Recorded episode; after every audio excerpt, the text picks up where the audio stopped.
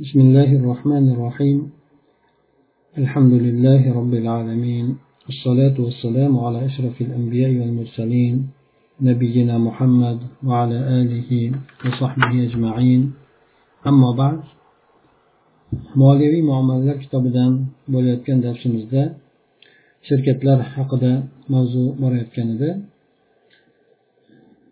حمدا بو شركة لار نتور لار حق دا o'tmishdan davom etib kelayotgan hamda hozirgi paytda paydo bo'lgan shirkat turlari hamda bularga bo'lgan hukmlarni yuqorida aytib o'tildi endi quyidagi navbatdagi mavzuyimiz aksiyalar to'g'risida ekan muallif aytadiki الصكوك التي تصدرها يمكن تصدرها شركة المساهمة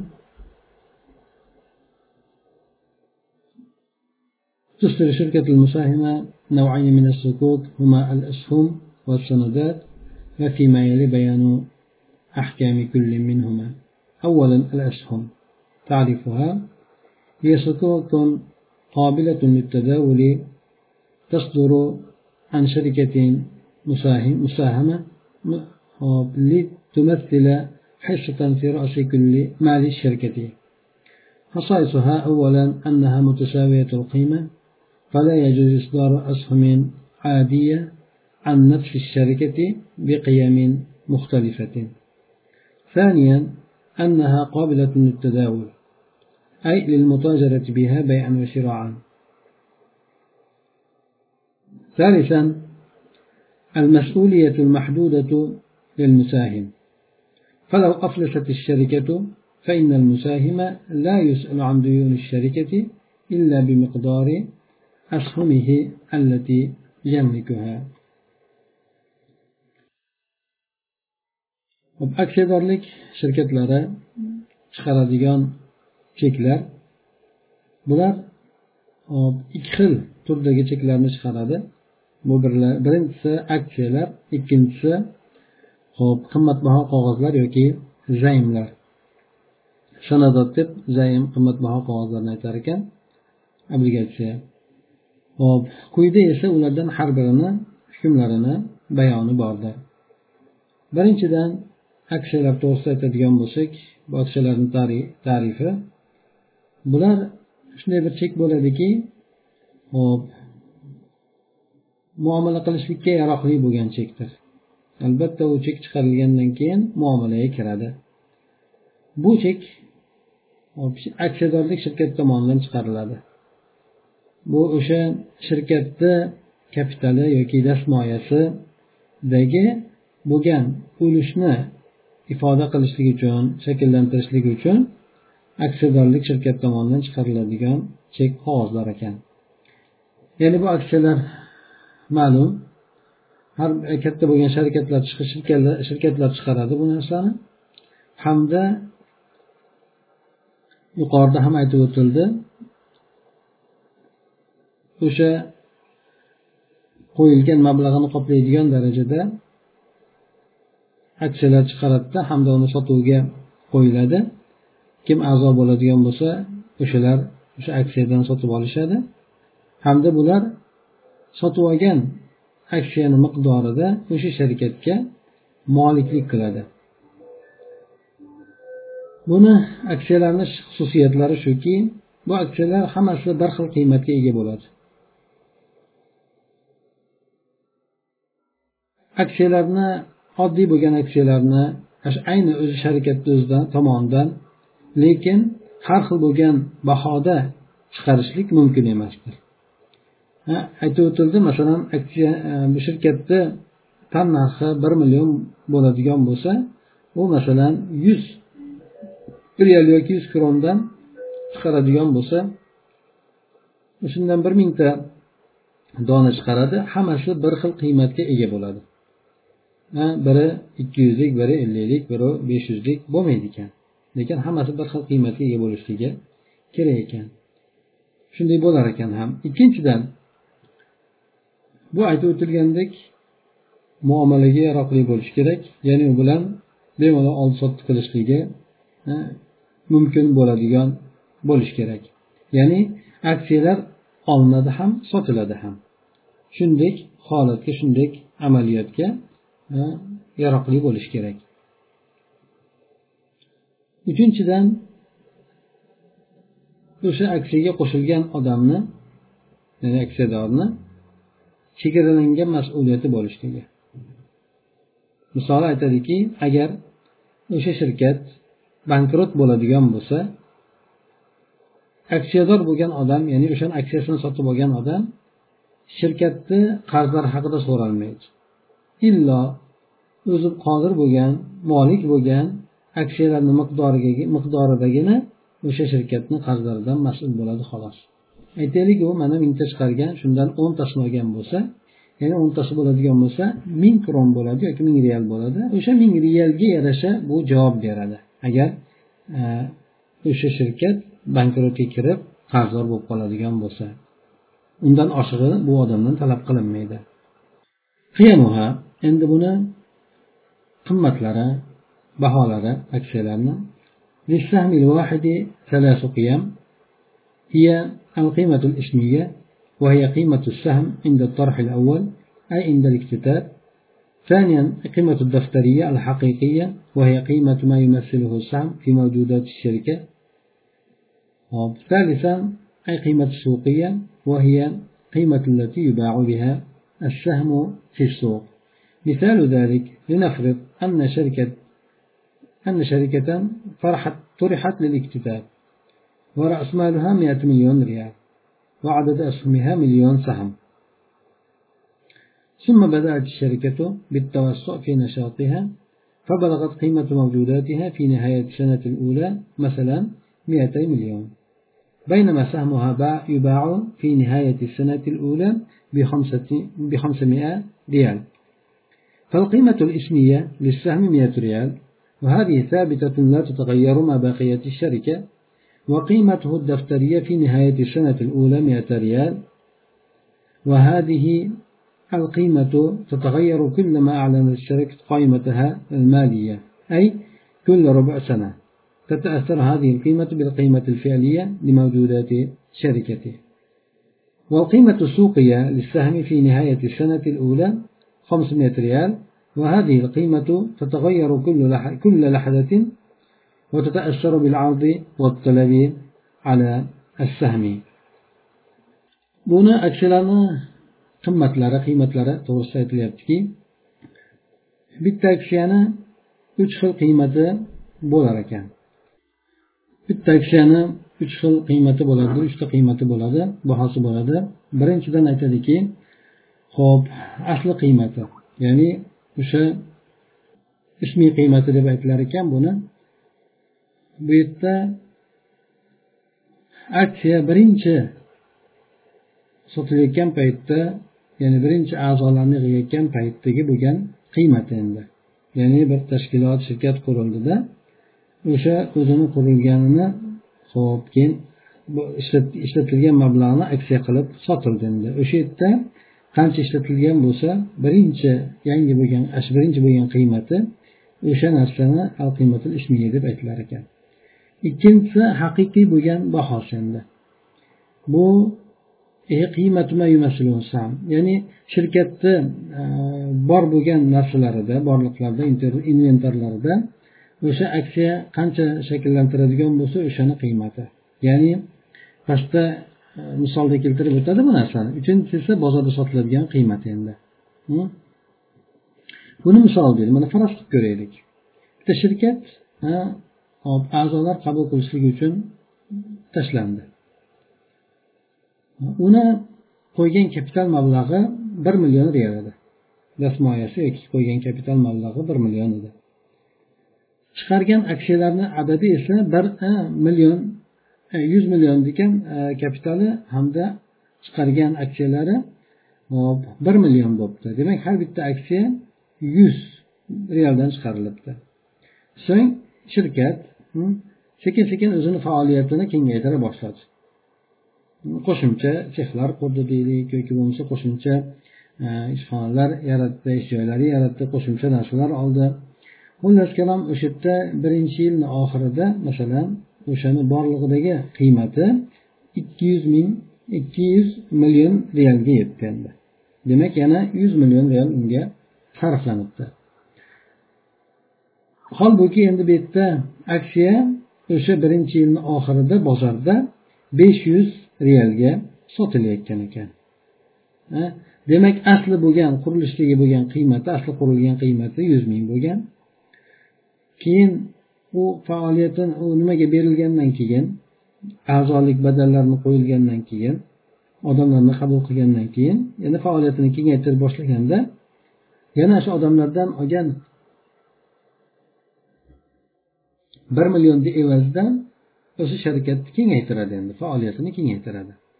Mana shu yerda demak shirkatni haqiqiy bo'lgan qiymati ikki yuz millionga aylandi.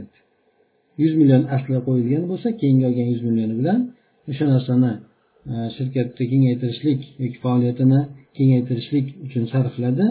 Demak o'sha yerda shirkat ikki yuz millionlik inventarga yoki bo'lmasa imkoniyatga ega bo'ldi. Endi bu sharikatni aksiyasi bo'ladigan bo'lsa bu sharikatga ishi yurishib ketdi deylik. Masalan ha bitta aksiya besh yuz realdan sotiladigan bo'lib qoldi demak bu yerdagi ismiy qiymati yuz ming yuz real bo'ladi. Ha bitta sam bitta aksiyaniki bu o'zgarmaydi.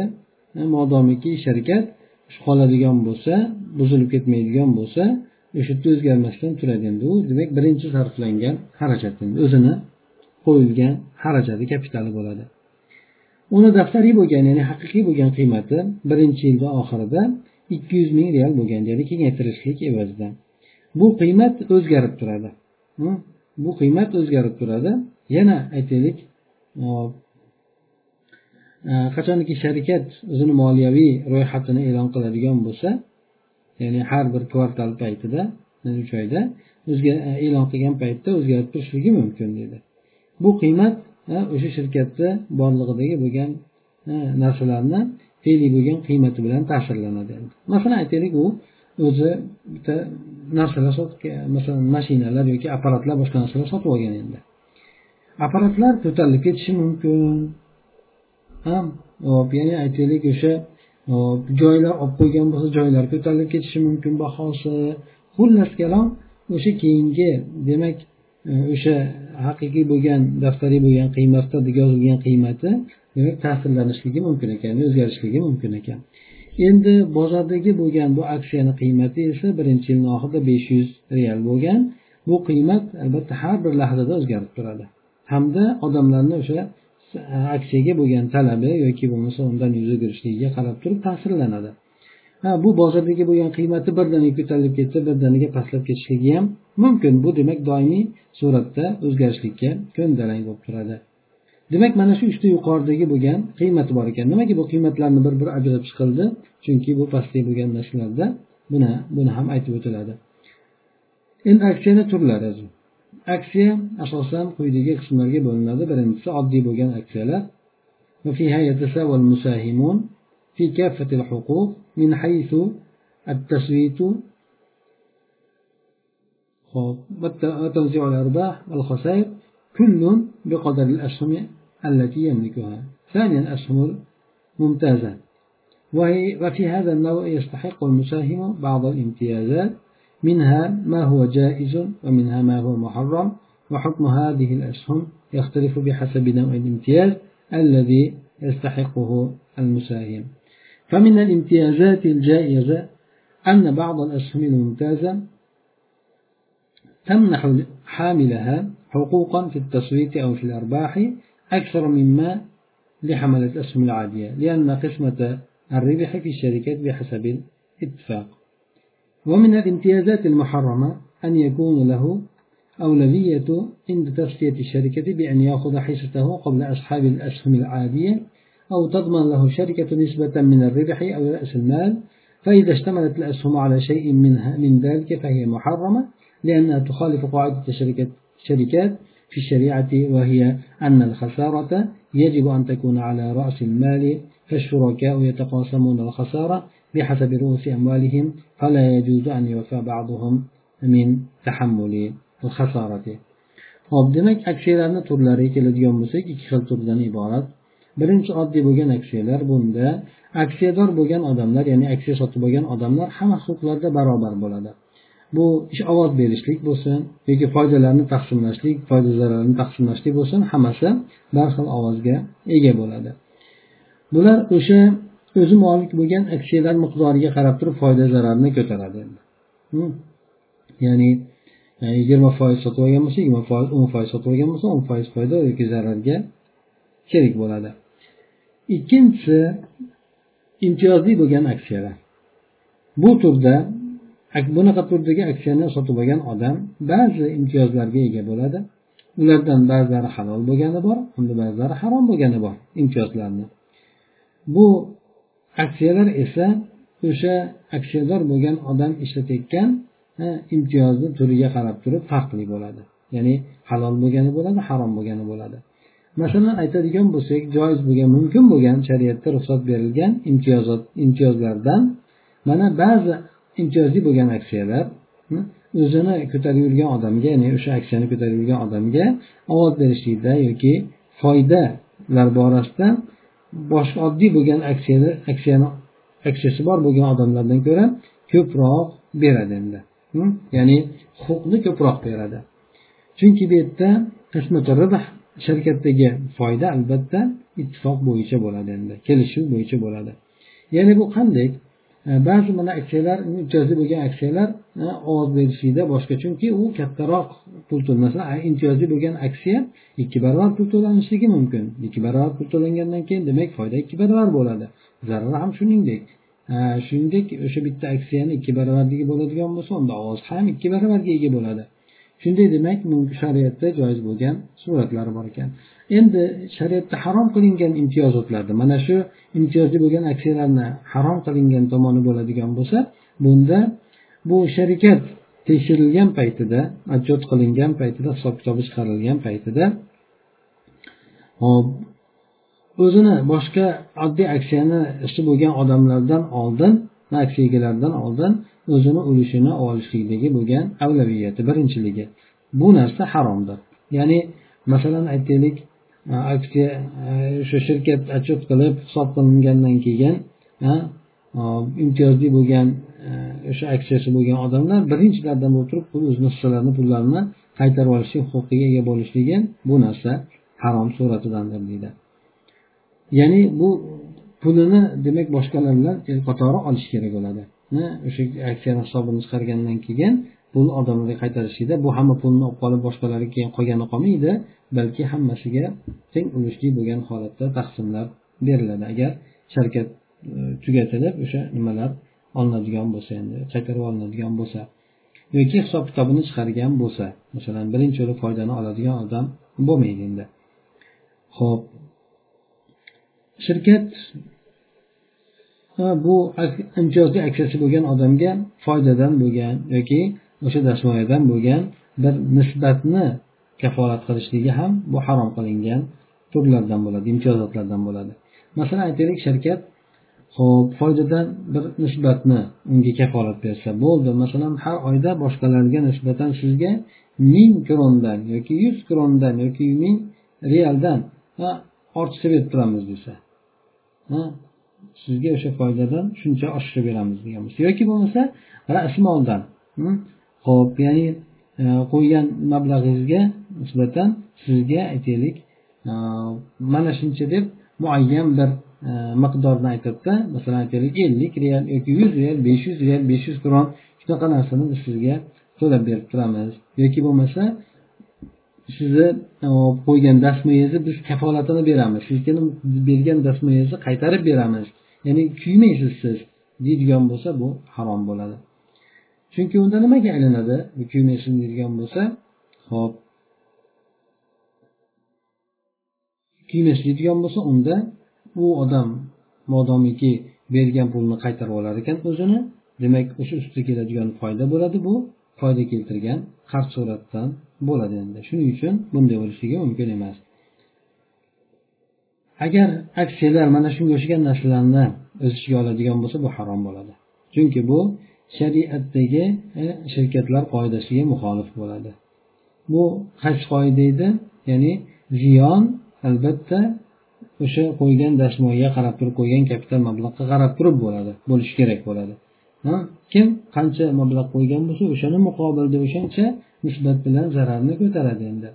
Demak sheriklar ziyonni o'zlari qo'ygan mablag'lariga qarab turib qo'ygan dastmoyalarga qarab turib bo'lishib olishadi.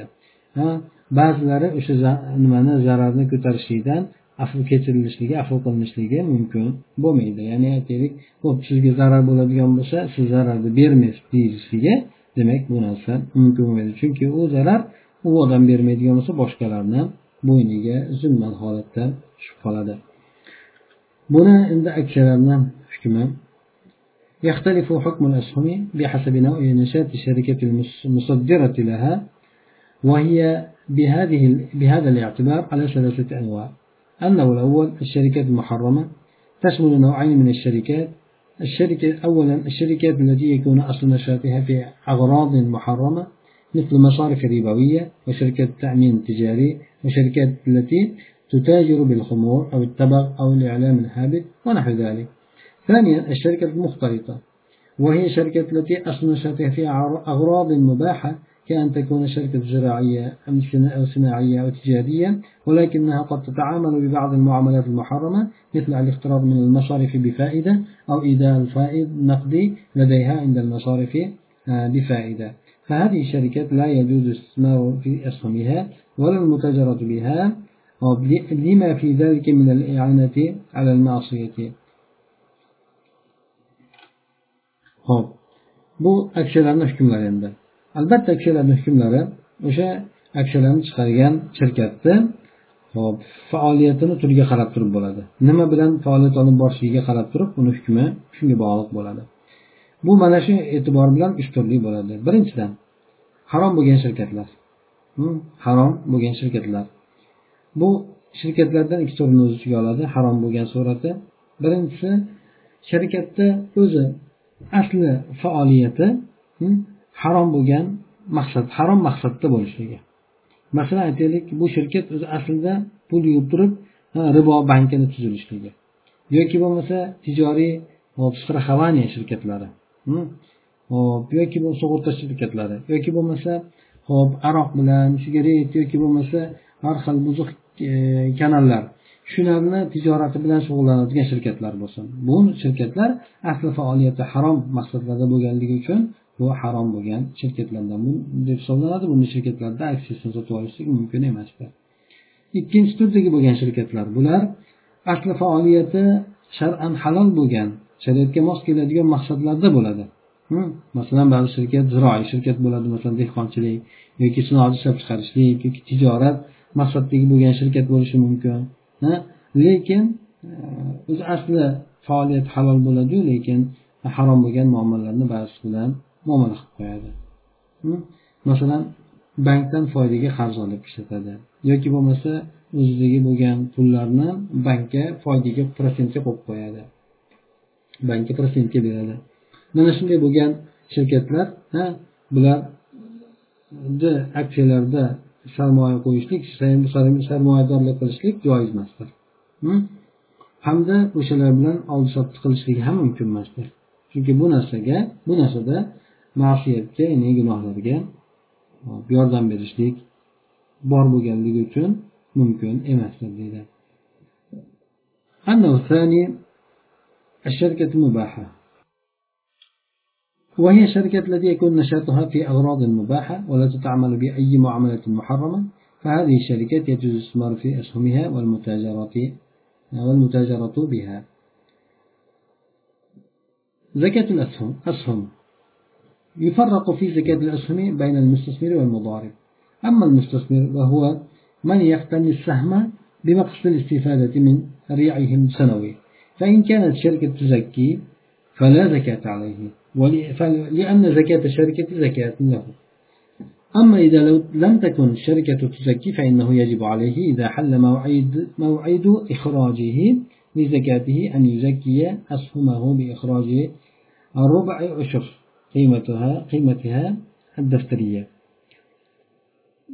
أما المضارب وهو الذي يتاجر بالأسهم فإنه يزكيها زكاة عروض التجارة فإذا جاء حول زكاته وهي في ملكه زكى قيمتها السوقية فيخرج ربع العشر يعني آه، اثنين ونصف بالمئة من تلك القيمة. مثال ذلك حل موعد إخراج الزكاة زكاة أموال الصالح وهو يمتلك عشرة أسهم في إحدى الشركات والقيمة الدفترية للسهم الواحد في تلك الشركة 100 ريال 100 ريال بينما القيمة السوقية 500 ريال.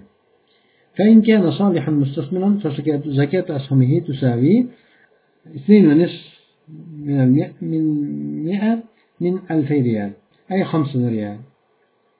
وإن كان يتاجر بالأسهم بيعا وشراء فهي اثنين ونصف من المئة من خمسة آلاف ريال أي مئة وخمسة وعشرين ريالا عند مباح bo'lgan sharikatlarga to'xtaladigan bo'lsak bu sharikatlarni faoliyati muboh bo'lgan shar'an joiz bo'lgan maqsadlarda bo'ladi bu hech qanaqangi bir harom muomalalar bilan muomala qilmaydi mana bu sharikatlarda aksiyalarida sotib olishlik ya'ni ularni aksiyalari bilan sarmoya sarmoya qilishlik hamda ular bilan oldi sotdi qilishlik joiz bo'laveradi. Demak uch turlik shirkat aksiya shirkatlari bor ekan. Birinchisi aniq suratiga harom ikkinchisi aniq suratiga halol uchinchisi aralash bo'lgani avvalda halol bo'ladi lekin unga harom narsa kirib ketib qoladigan bo'lsa albatta bu o'rinda harom narsasiga hukm qilinar ekan hamda bunday sharikatda aksiyasini sotib olishlik e, qaytarilar ekan. Hop endi aksiyalarni zakoti bir odam aksiyasi bor. Qanday qilib zakot chiqaradi?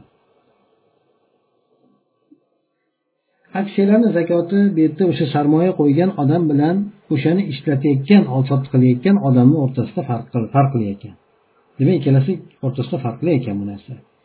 Ammo endi sarmoyador bo'lgan odam hmm, yoki sarmoyador bo'lgan tomon bu aksiyalarni sotib oladida maqsadi nima bo'ladi?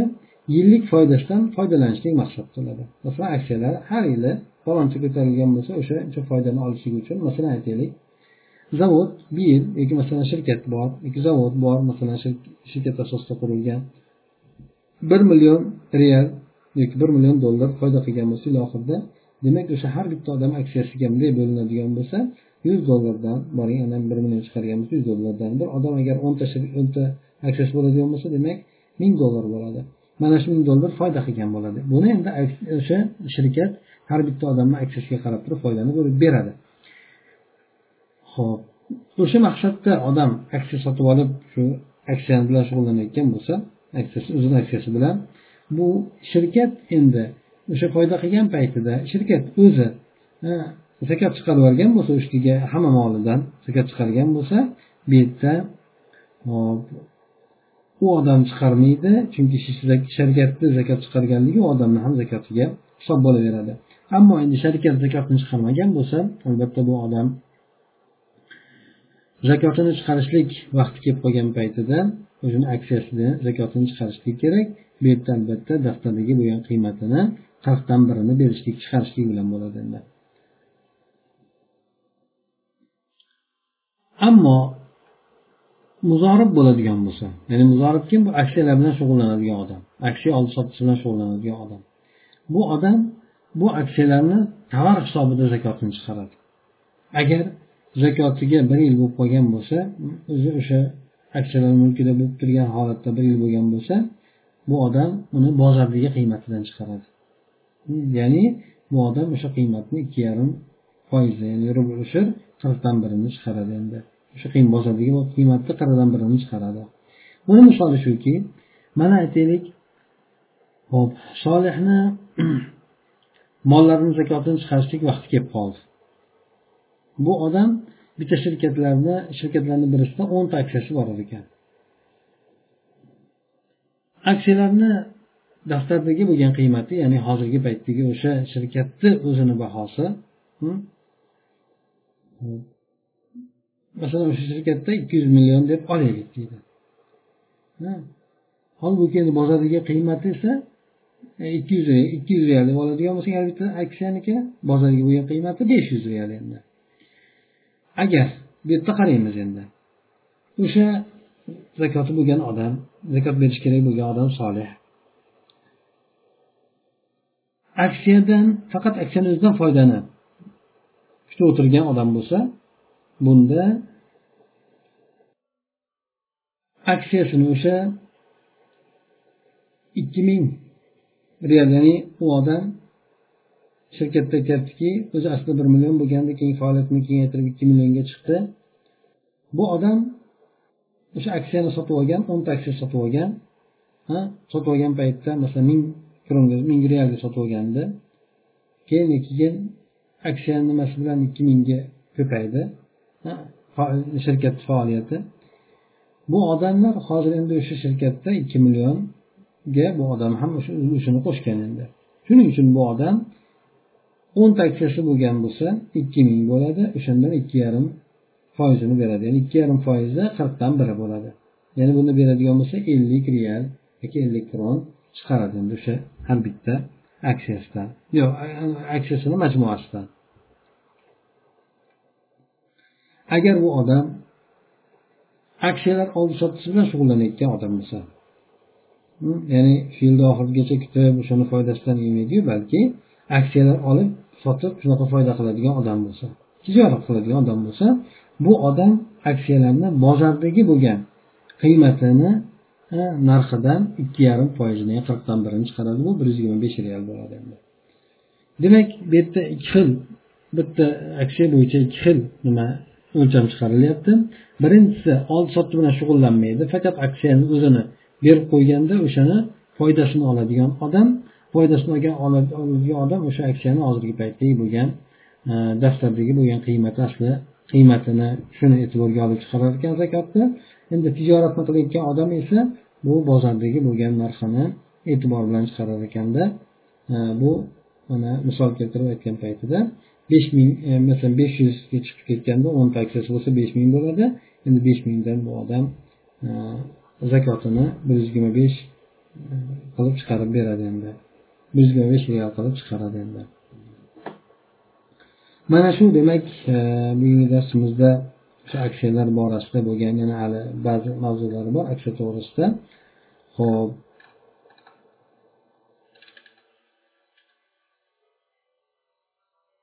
aksiya to'g'risida demak aksiyani halol harom bor ekan. Bu halol harom bo'lishligi uni faoliyatiga qarab turib bo'lar ekan. Hamda aksiyalarni chiqarishda bir xil qiymatga ega bo'lgan bo'lishi kerak ekan aksiyalar. Shuningdek ho'p ya'ni bu umumiy bo'lgan shartlarni o'z ichiga olgan bo'lishi kerak halol bo'lishligi uchun ham. Ana undan keyin bu aksiyalarni odam aksiyasi bo'lgan odam zakotni qanday chiqaradi desa agar aksiyani o'zi bilan kifoyalanadigan bo'lsa unda o'sha aksiyani turgan qiymati shu daftardagi bo'lgan qiymati ya'ni faoliyat kengaygan bo'lgan paytidagi bo'lgan qiymati shundan ikki yarim foizini chiqarar ekan. Endi u bilan tijorat qiladigan odam esa bu tovar hisobida o'tar ekanda undan bozordagi bo'lgan qiymatidan chiqarar ekan buni misolni yuqorida aytib o'tildi endi سبحانك اللهم وبحمدك نشهد أن لا إله إلا أنت نستغفرك ونتوب إليك اللهم انفعنا بما علمتنا وعلمنا ما ينفعنا وزدنا علما